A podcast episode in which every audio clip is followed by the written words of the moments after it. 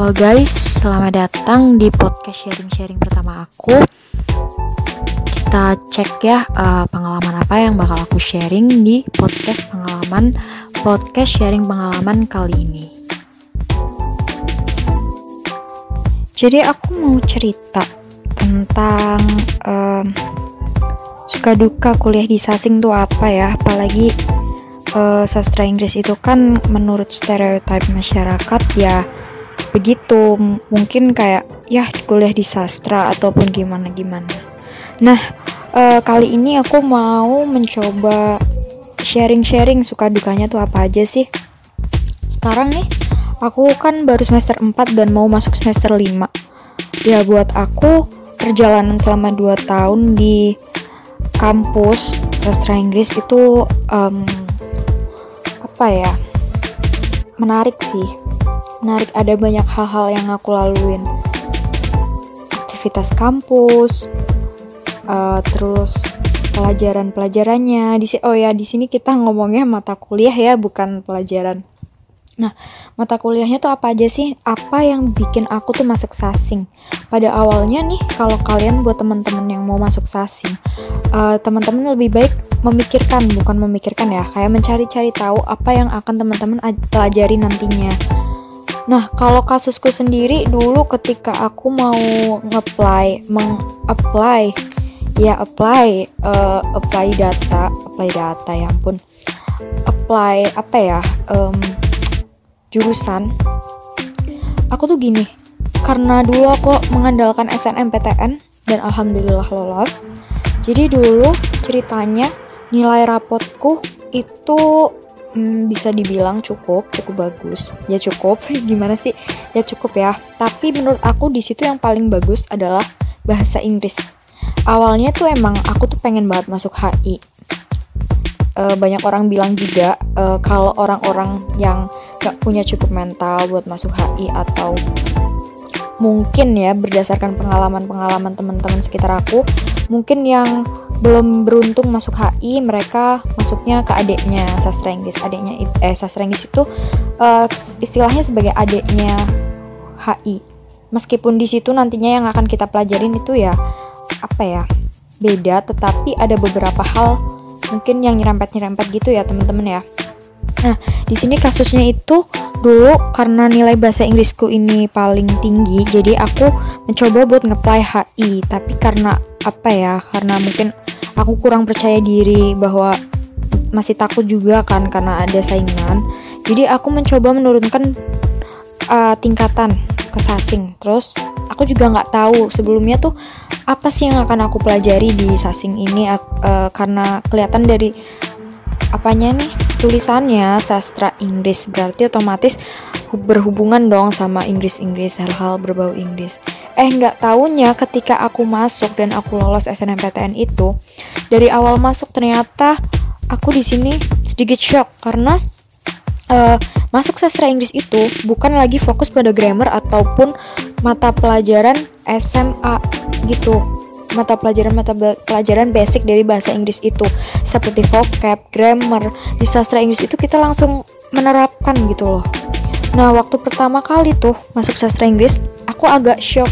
Soalnya di situ udah pakai ngomong langsung pakai bahasa Inggris ya. Dan bahasnya kita udah bukan grammar lagi ya walaupun masih ada mata kuliah bawaan uh, eh, SMA untuk dibawa lagi ke perkuliahan.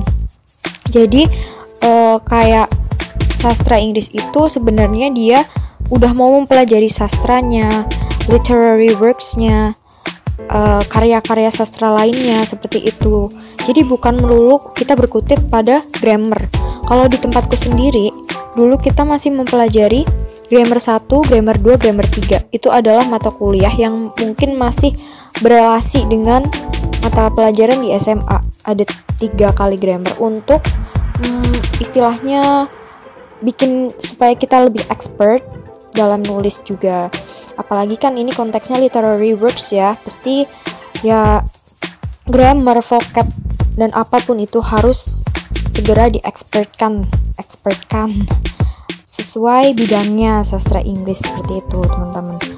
Jadi ketika aku masuk aku kaget kenapa kayak gini nggak belajar yang mata kuliah mata kuliah bahasa Inggris lagi. Terus di situ aku mulai ini apa namanya kayak dapet sebuah uh, apa ya itu namanya uh, new insight gitu loh. Kayak misalnya oh jadi yang dipelajarin tuh karya-karya sastra kayak gini interpretasi kita tentang suatu karya sastra mungkin karya sastra puisi cerpen ataupun novel maupun short stories. Di situ uh, menarik sih menurut aku menariknya apa?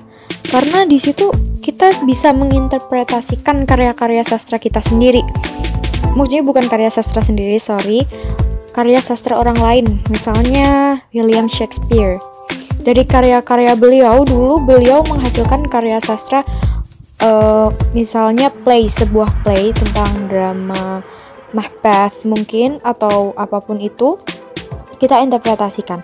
Apa sih sebenarnya yang terjadi di balik di balik dialog ini? Apa yang terjadi di second layer ini? Apa simbol dari uh, perbuatan ini apa simbol dari uh, apa ungkapan-ungkapan Shakespeare di di play itu? Merepresentasikan apa sih play itu? Kenapa play itu dibuat? Itu untuk meng menginterpretasikan zaman apa lalu isu apa isu yang hangat yang sedang terjadi di zaman itu tuh isu apa aja.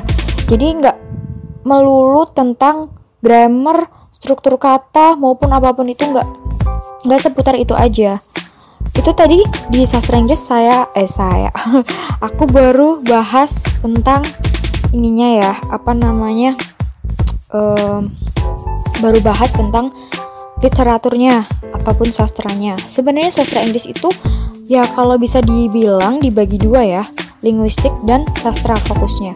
Jadi kalau stereotip masyarakat juga dulu untuk anak-anak yang masuk IPA, dia lebih cocok untuk fokus menjurusnya tuh pada linguistik. Tapi kalau untuk anak-anak yang dulunya IPS, dia lebih cocok di untuk memilih fokus sastra gitu. Jadi jadi aku sendiri di sini semester 4 kan mau masuk 5, aku masih bingung juga sih. Kalau sastra dan linguistik itu bedanya kayak gini.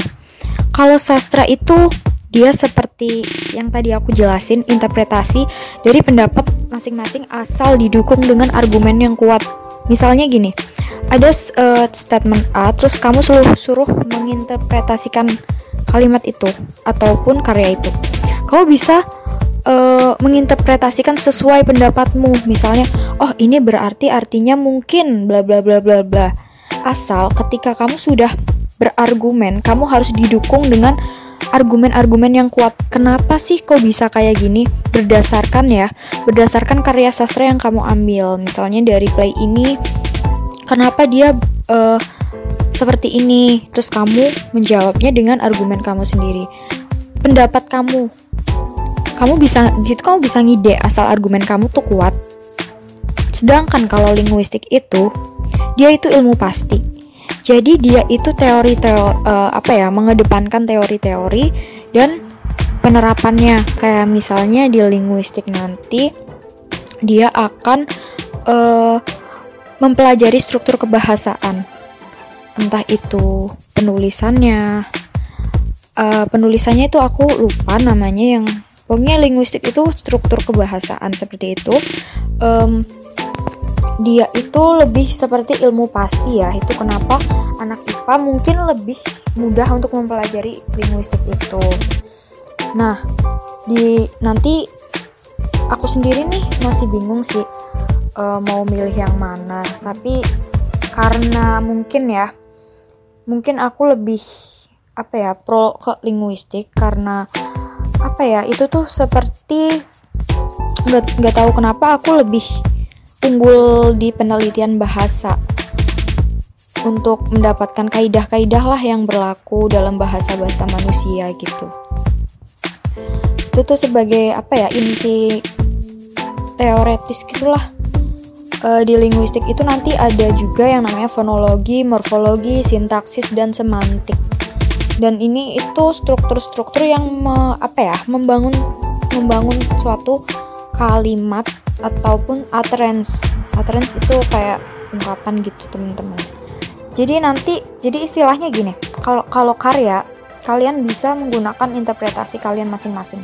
Tetapi kalau misalnya linguistik itu sudah berdasarkan teori te asas-asas teori oleh para ahli gitu, ahli ahli bidang linguistiknya itu sendiri. Jadi itu seputar sastra Inggris. Jadi sebelum kalian mau masuk sastra Inggris ataupun bidang-bidang lain, ketika kalian beranjak dari SMA ke kuliah, kalian harus tahu uh, apa sih yang nanti akan aku pelajari, apakah itu tepat dengan bidangku atau enggak. Kalau aku sendiri aku nggak menyesal, ya mungkin dulu awal-awal menyesal, tapi lama-lama karena aku sudah tahu apa yang harus aku pelajari dan apa yang akan aku apa ya akan aku dalami ke depannya jadi ya uh, apa ya kayak ya udah let it flow gitu loh. Ditambah lagi karena emang basicnya aku ya udah seperti ini gitu loh. Basic aku bahasa Inggris terus ketika aku harus mempelajari sastra ya aku harus mengembangkannya gitu loh. Mengembangkan dari apa yang aku pahami dari kebahasaan ini dari bahasa Inggris ini lalu aku kerucutkan di bidang sastra kayak gitu.